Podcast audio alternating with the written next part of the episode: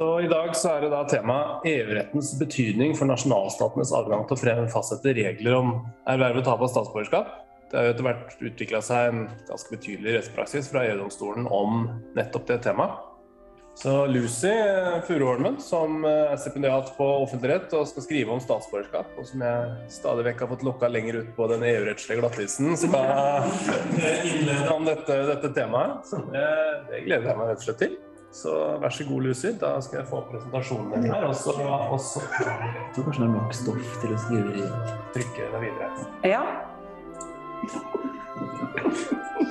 Takk, Stian. Um, og som du sier, jeg skal da skrive en avhandling om statsborgerskap. Og en del av de spørsmålene som jeg i hvert fall nå har begynt å se på, og hvor det har vært en utvikling i EU-domstolens rettspraksis, er EU-rettens betydning for nasjonalstatens adgang til å fastsette nasjonale regler om erverv og tap av statsborgere. Sånn. Eh, og formålet med denne presentasjonen, da har jeg tenkt å gå gjennom noen folkerettslige utgangspunkter på hva gjelder erverv og tap av statsborgerskap. I tillegg til at jeg skal gå gjennom de viktigste avgjørelsene fra EU-domstolen på dette området. For som jeg kommer til, så har det her vært en videreutvikling i praksis som er ganske interessant å observere. Så jeg skal foreta en kronologisk gjennomgang av de avgjørelsene. Og så er det tenkt å ha noen helt overordnede tanker om forholdet mellom altså disse avgjørelsene og andre folkerettslige traktater på statsborgerrettens område. Altså en del spørsmål som kan være grunnlag for diskusjon. Folkerettslige utgangspunkter, det er jo helt grunnleggende at det er nasjonalstatene som i utgangspunktet står fritt til å fastsette egne regler om erverv og tap av statsborgerskap. Dette er altså i utgangspunktet innenfor nasjonalstatenes domene, og rent umiddelbart da, som jeg altså da senere kommer til, så stiller man seg da spørsmålet ok, hvilken betydning har da EU-retten oppi dette. Men for regler om erverv så følger det bl.a. av Europarådskonvensjonen om statsborgerskap av 1997, artikkel 3 nummer 1 og 2. Hvor man kan lese ut av bestemmelsen at hver stat bestemmer i henhold til sin egen lovgivning hvem som er den statsborgere, og denne lovgivningen skal godtas av andre stater i den utstrekning det er i samsvar med gjeldende internasjonale konvensjoner, internasjonal sedvanerett og de alminnelige Nå skjedde det noe Beklager. Og de alminnelig anerkjente prinsipper vedrørende statsborgerskap. Og denne konvensjonen er ratifisert av Norge. Det er ikke alle land som har tiltrådt den, bl.a. ikke Frankrike, Belgia og Irland. Men det samme utgangspunktet, at det er opp til nasjonalstaten å regulere dette, følger også av FNs konvensjon om statsborgerskap av 1930. Det er også lagt til grunn den kjente avgjørelsen fra ICJ, denne Nottebom-avgjørelsen, hvor man kan se av begrunnelsen der It is for Liechtenstein, as it is for every sovereign state, to settle by its own legislation the rules relating to the acquisition of its nationality and to confer that nationality by naturalization granted by its own organs in invitation on its freedom of decision. Og så ser man helt avslutningsvis i det sitatet This is implied in the wider concept that nationality is, is within the domestic jurisdiction of the state. Så utgangspunktet at nasjonale staten kan avgjøre dette selv. Så er det selvfølgelig enkelte begrensninger, bl.a. om at man ikke har adgang til å diskriminere. Så er det andre regler i artikkel 6 i denne Europarådskonvensjonen. Når det kommer til tap av statsborgerskap, som er selvfølgelig mer inngripende enn åpenbart reglene om erverv, så er det regulert ytterligere i flere konvensjoner. Der har man bl.a. denne Convention on Reduction of Statelessness fra 1961, som inneholder en del begrensninger om som gjør at statene i utgangspunktet ikke har anledning til å gjøre noen statsløse. Og også Europarådskonvensjonen av 1997. Og de viktigste prinsippene der som man kan se, det er bl.a. stadfestet i artikkel 4 om at enhver har rett til et statsborgerskap, står det der. Statsløshet skal unngås, og ingen skal vilkårlig bli fratatt sitt statsborgerskap. Men så er det enkelte unntak i artikkel 7. Tap av statsborgerskap egen stat kan i sin nasjonale lovgivning ikke gi bestemmelser om tap av den statsborgerskap ex leve, unntatt i følgende tilfeller. Da ser man bl.a. at det står dersom personen får da frivillig erverv av et annet statsborgerskap. Og så ser man erverv av statspartens statsborgerskap ved hjelp av svikaktig fremferd, falske opplysninger eller fortielse av relevante fakta vedrørende søkeren.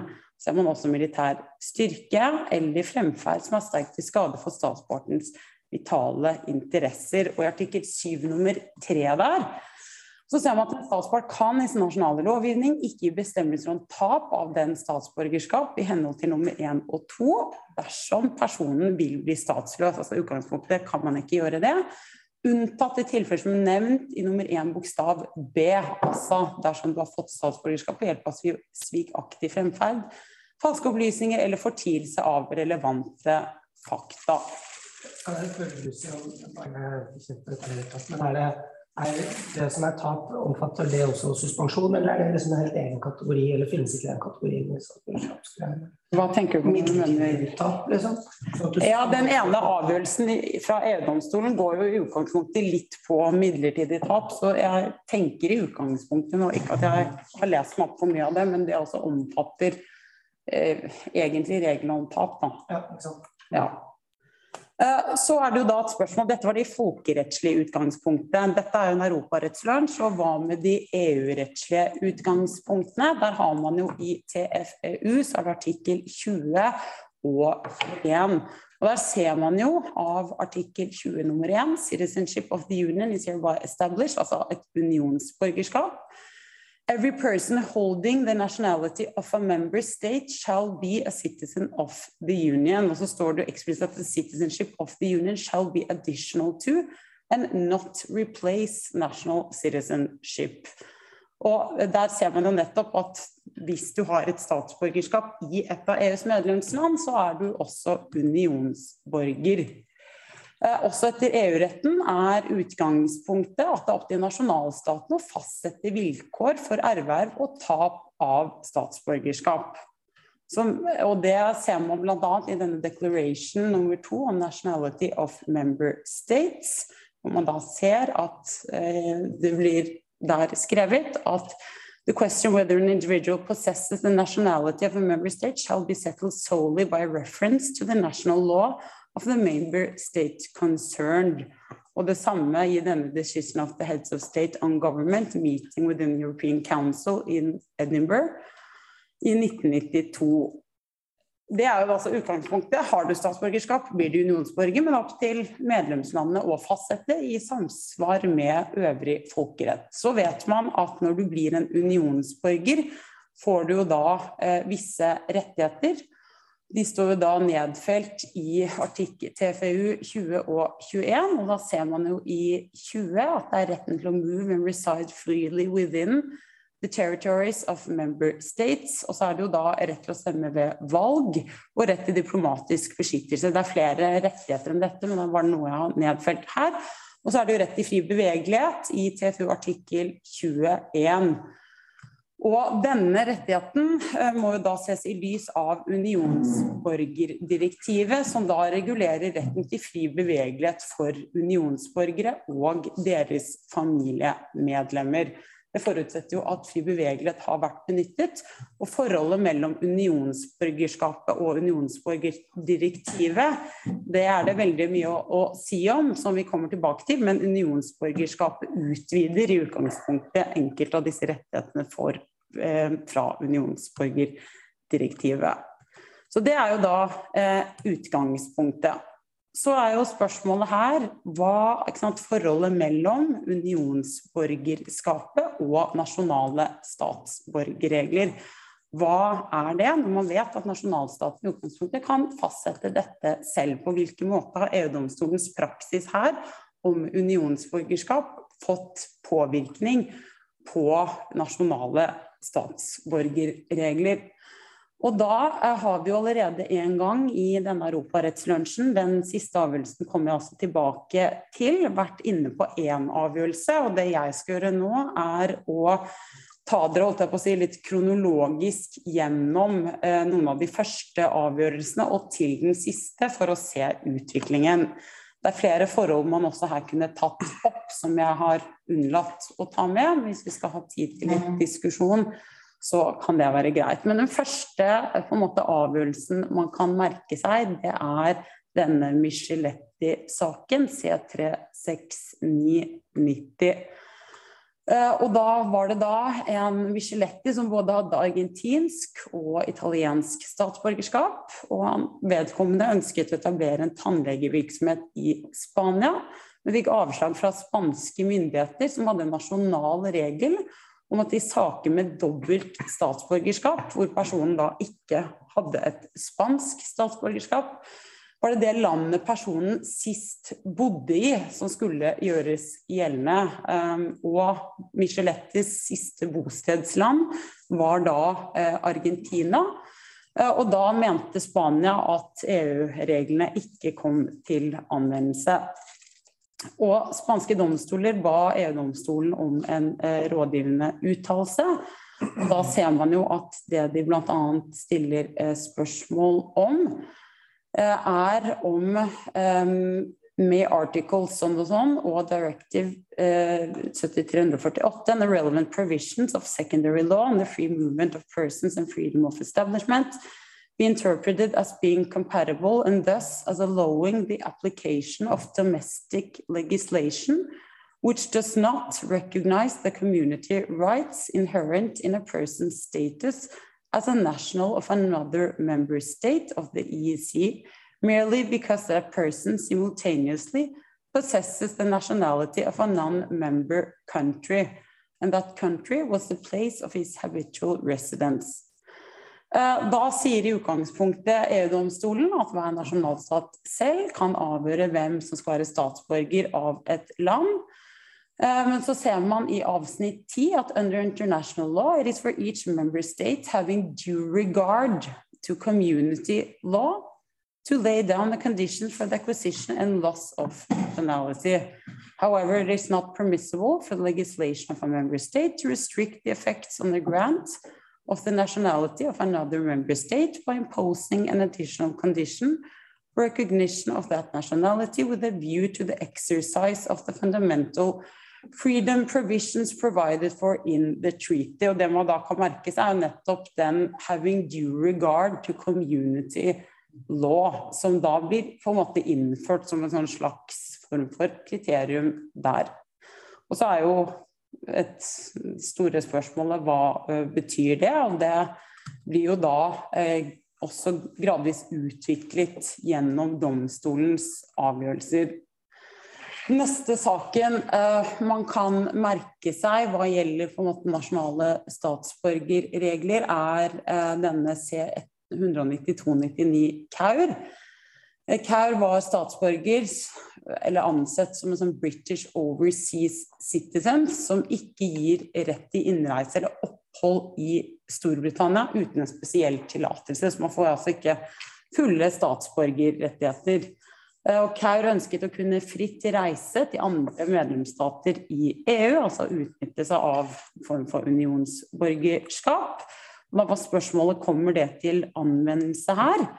Eh, og der uttaler EU-domstolen at for at et spørsmål skulle falle inn under EU-rettens anvendelsesområde, for det blir jo sentralt i flere av disse sakene, når man vet at det er i utgangspunktet nasjonale regler som regulerer erverv og tap, så må det i utgangspunktet gjelde tap eller spørsmål av et eksisterende unionsborgerskap. Furthermore, adoption of that declaration did not have the effect of depriving any person who did not satisfy the definition of a national of the United Kingdom of rights to which that person might be entitled under community law.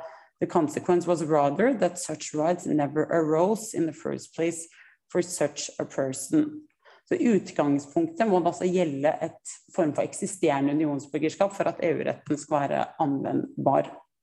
Det er eh, eldre praksis, og så er det den kanskje eh, viktigste eh, avgjørelsen som starter denne ballen, for å si det sånn. Det er Janko Rottmann eh, mot Freistadt Bayern C13508.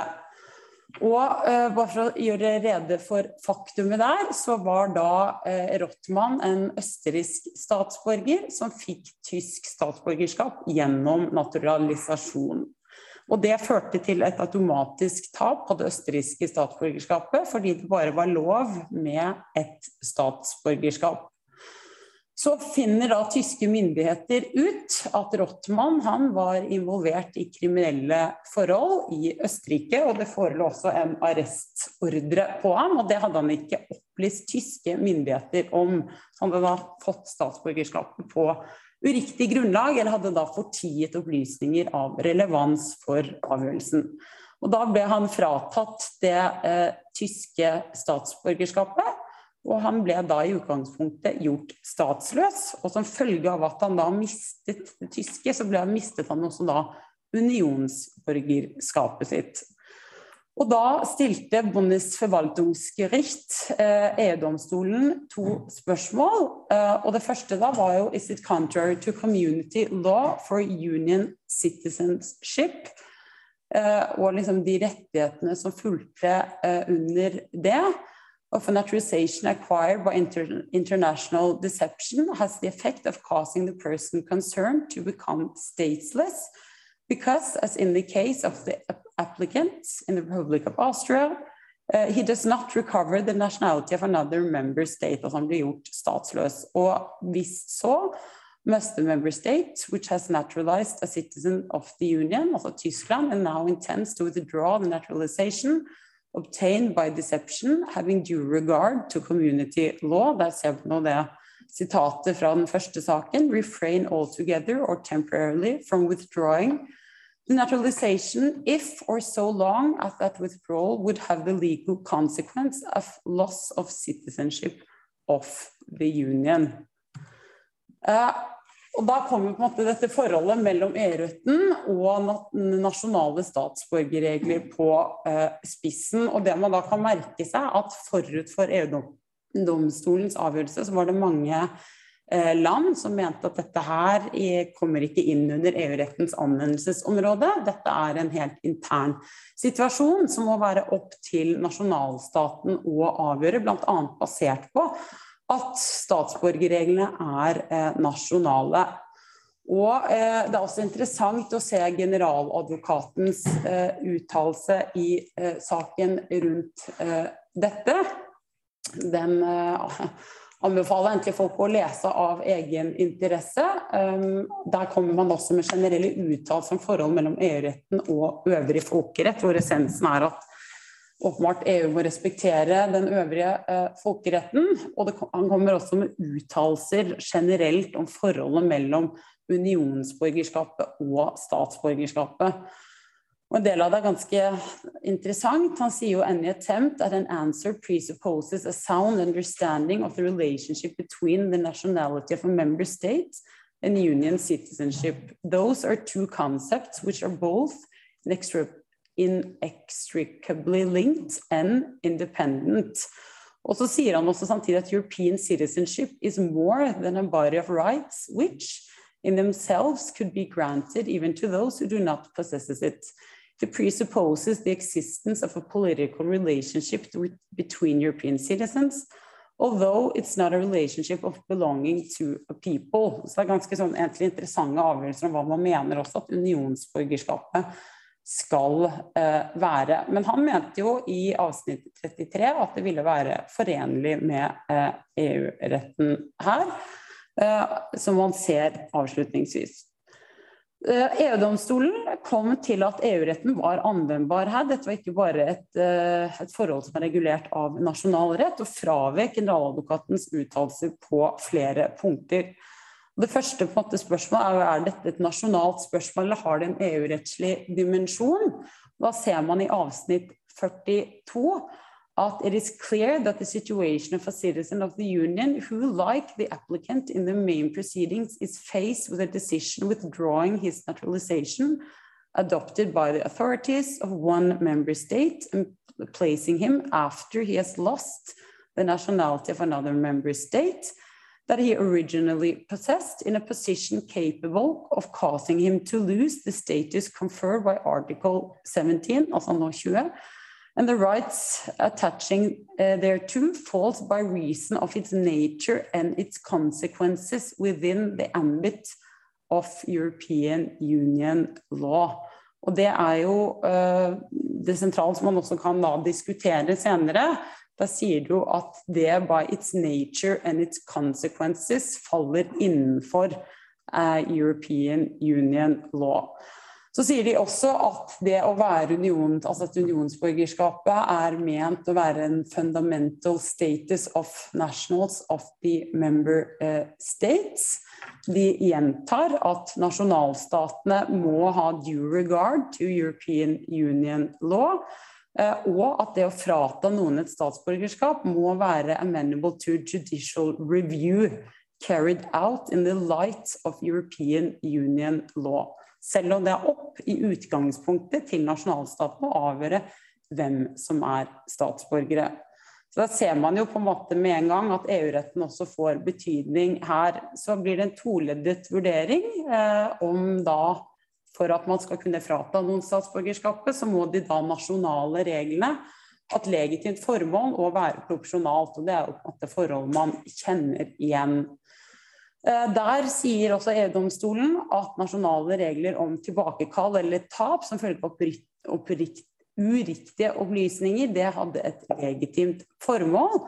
Og så ser man også interessant uh, at det er legitimt for member state to wish to protect the special relationship of solidarity and good faith between it and its nationals and also uh, særlig da på bakgrunn the right and duties which form the bedrock of the bond of nationality. Og dette blir jo gjentatt i senere avgjørelser.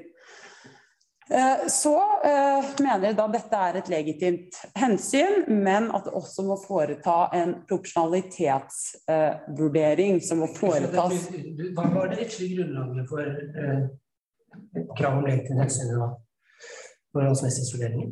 Sier de det hva de liksom, viser til en bestemmelse, eller viser til general principles of EU law? De sier i utgangspunktet altså general principles at dette her må være for at du skal, fordi et unionsborgerskap er ansett som en, måte, en fundamental status etter EU-retten, så må det å kunne frata deg de samme rettighetene må være legitimt og proporsjonalt. Så liksom, mye av de samme rettslige utgangspunktene som gjelder generelt da, i, i EU-retten. Eh, og så sier de jo nettopp da at eh, man må foreta en proporsjonalitetsvurdering. Og dette er jo utgangspunktet nytt, at de nettopp oppstiller at dette må nasjonalstatene gjøre. Og i avsnitt 55 der uh, så sier jo da at det er for the national court to certain whether to the withdrawal decision at issue in the main proceedings observes the principle of proportionality so far as concerns the consequences it entails for the situation of the person concerned in the light of European Union law. Uh, og så fremhever de da momenter i uh, denne vurderingen i avsnitt 55, hvor man ser da konsekvensene for personen og members of his family. Uh, og altså gravity of the offence committed Eh, så der ser man det viktigste på en måte man kan utlede av den, er nettopp at nasjonale regler som kan lede til tap av unionsborgerskapet, falls within its nature and consequences within the ambit of European Union law. Og at det må være et legitimt hensyn og proporsjonalitet hva gjelder de nasjonale reglene rundt dette. Det er heller ikke krav om fri bevegelighet for at EU-retten kommer til anvendelse i statsborger-, unionsborgersaker. Og et spørsmål her er jo hvor langt kan altså rekkevidden av dette falls within its nature of uh, European uh, law, vil det innebære at egentlig alle saker som går på noe med statsborgerskap som kan ha betydning for unionsborgerskapet, er omfattet av EU-retten? Det blir jo et spørsmål. Uh, En annen avgjørelse som ikke går direkte på dette med erverv og tap, men som allikevel er verdt å uh, merke seg, det er jo denne Sambrano-avgjørelsen. Uh, hvor uh, EU-domstolen her i utgangspunktet utvider eller utleder en del fra unionsborgerskapet. Vi kan komme eh, litt tilbake til den eh, etterpå, eh, men det er verdt å merke seg i hvert fall at den er ansett for en, en viktig avgjørelse hvor EU-stolen særlig påpeker altså betydningen av unionsborgerskapet for, eh, for tredjelandsborgere som er foreldre til barn som er unionsborgere. Vi kan komme litt tilbake til den etterpå. Så er det eh, den andre på en måte viktige avgjørelsen på dette med erverv og tap, det er denne C2021-17, Chebbes and Others, eh, mot, eh, var da mot Nederland. Den ble da avsagt 12.3.2019. Og her er faktumet altså etter nederlandsk lov så eh, hadde man da, eller har man lovgivning som innebærer at man automatisk mistet nederlandsk statsborgerskap uten varsel eller vedtak. Hvis man var bosatt utenfor Nederland og i et annet land utenfor EU i mer enn ti år, og personen hadde et annet statsborgerskap enn det nederlandske, så du ikke skal bli gjort statsløs. Og man kunne da lett avbryte denne tiårsperioden ved bl.a. å søke på nasjonalt ID-kort eller pass som bekrefter det nederlandske statsborgerskapet. Så har man også en regel om at barn av statsborgere som mister sitt nederlandske statsborgerskap pga. tiårsregelen, ville også miste da dette nederlandske statsborgerskapet. Og Klagerne i saken var da tre som hadde mistet statsborgerskap som følge av tiårsregelen, og et barn, en av klagerne eh, som mistet statsborgerskapet, mente at dette tapet var uforenlig med eh, EU-retten. De hadde da som sagt alle doble statsborgerskap og ble da ikke gjort eh, statsløse. Og da eh, ba den øverste domstolen i forvaltningssaker i Nederland, eh, EU-domstolen med en rådgivende uttalelse for følgende spørsmål Must articles 20 and 21 TFU in the light inter alia article 7 of the charter, altså respekt for familieliv, be interpreted in view uh, of the absence of an individual assessment based on the principle of proportionality with regard to the consequences of the loss of nationality for the situation of the person concerned from the point of view of EU law as precluding legislation such as that in issue in the main proceedings. Og her var jo utgangspunktet at det bare automatisk mistet statsborgerskapet. Uh, og her kan man også igjen merke seg at uh, generaladvokaten var av en annen uh, oppfatning, men at domstolen igjen fraviker uttalelsen på flere punkter. Domstolen oppstiller krav om et legitimt formål og proporsjonalitet. Og det sentrale her er at man utdyper den proporsjonalitetsvurderingen man kom til i denne Rottmann-avgjørelsen. Men man sa altså at automatisk tap av statsborgerskap per definisjon ikke er i strid med EU-retten, eh, men at nasjonale eh, domstoler på et tidspunkt må kunne ha anledning til å foreta en proporsjonalitetsvurdering. Så her eh, ser man igjen dette med legitimt formål og eh, proporsjonalitet. Eh, og Nederlands formål med eh, disse reglene var å, eh, at man ville unngå eh, egentlig Det står 'introduce a system to avoid inter alia the undesirable consequences of one person having multiple nationalities'. Eh, og at denne linken til staten ville på en måte bli eh, redusert dersom man bodde lenge utenfor eh, statens område. Og Det mente EU-domstolen var et legitimt formål. Og de sier at det er it's legitimate for a member state to take the view that nationality is the expression of a genuine link between it and its nationals. And therefore to prescribe that the absence or the loss of any such genuine link entails the loss of nationality. Altså at det er ganske mye som vil da kunne være et legitimt formål. Da kan man også merke seg at denne eh, genuine link, altså at du liksom skal ha en tilknytning til staten, er veldig omstridt egentlig i teorien, men at EU-domstolen bare aksepterer det eh, her. Men så eh, sier de her at det allikevel må kunne foretas en individuell proporsjonalitetsvurdering med henvisning bl.a.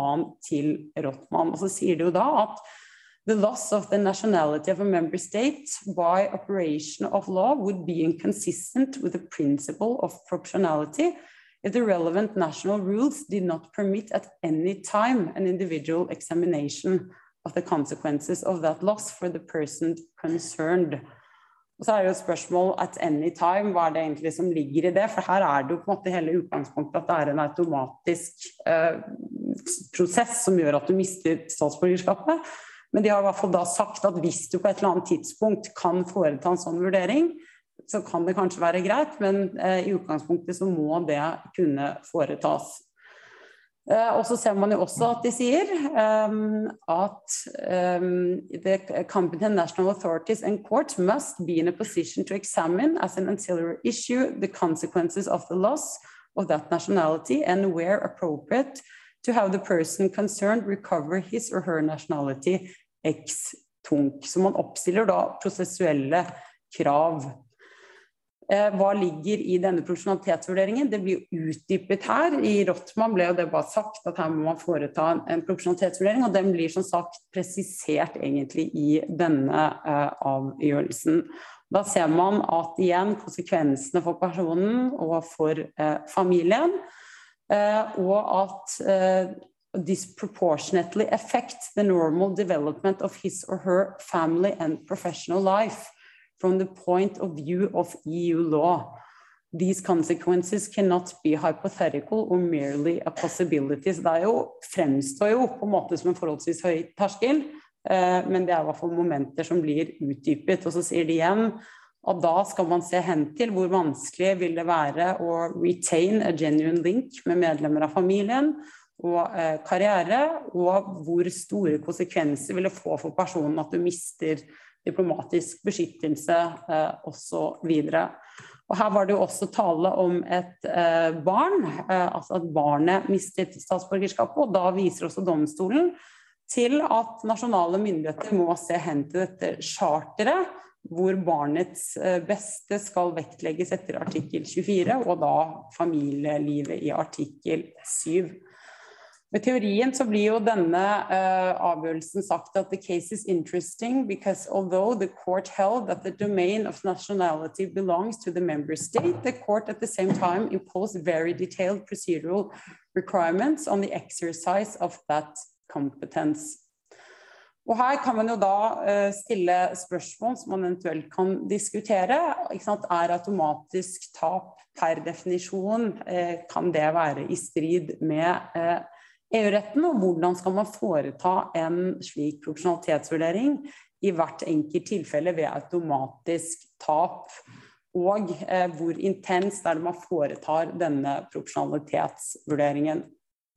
Siste saken er denne som vi har gått gjennom tidligere. Da skal jeg ikke gjenta eh, det som egentlig er mm, Det har vi jo gått gjennom på Europarettslunsjen uh, før. Det var jo da østerriksk forhåndstilsagn om statsborgerskap som var gitt en estisk uh, statsborger, under forutsetning at hun frasa seg sitt estiske statsborgerskap.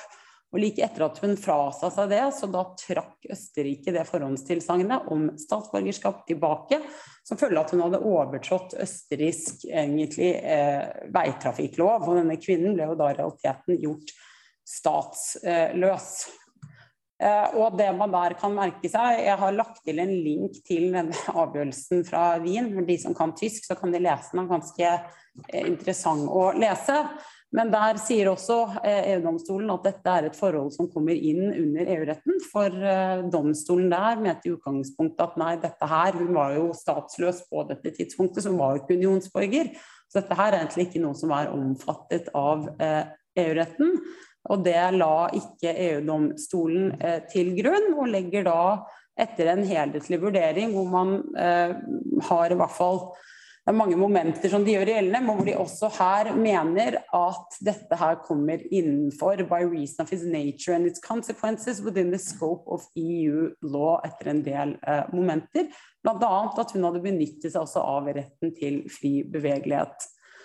Og så er jo igjen dette vurderingen av uh, proporsjonalitet her, uh, hvor de går inn i Østerrikes formål med lovgivningen. Og da sier du i utgangspunktet at å forhindre flere statsborgerskap igjen, det er et legitimt hensyn. og så beskytte interessen, altså sikkerhet i for eh, staten, men at her må eh, public security tolkes strengt. Og dette var ikke proporsjonalt. Så I denne avgjørelsen så går det også ganske langt i den konkrete subsumpsjonen. Og det tilsier jo nettopp at domstolen går mer inn enn kanskje intensiv prøving. Og Det man da kan egentlig konkludere av disse avgjørelsene, er jo at de gjelder jo eh, egentlig helt ulik faktum, alle sammen. Og den siste avgjørelsen om den ikke omhandler tap, så kan det kanskje sies egentlig omhandle erverv. Hun vil jo ha eh, et statsborger, altså hun vil jo ha eh, et østerriksk statsborgerskap. Eh, men det man kan utlede, er at det har blitt en gradvis utvikling gjennom praksis, hvor dette kravet til proporsjonalitet og prosessuelle kriterier har blitt noe som EU-domstolen prøver mer eh, intensivt.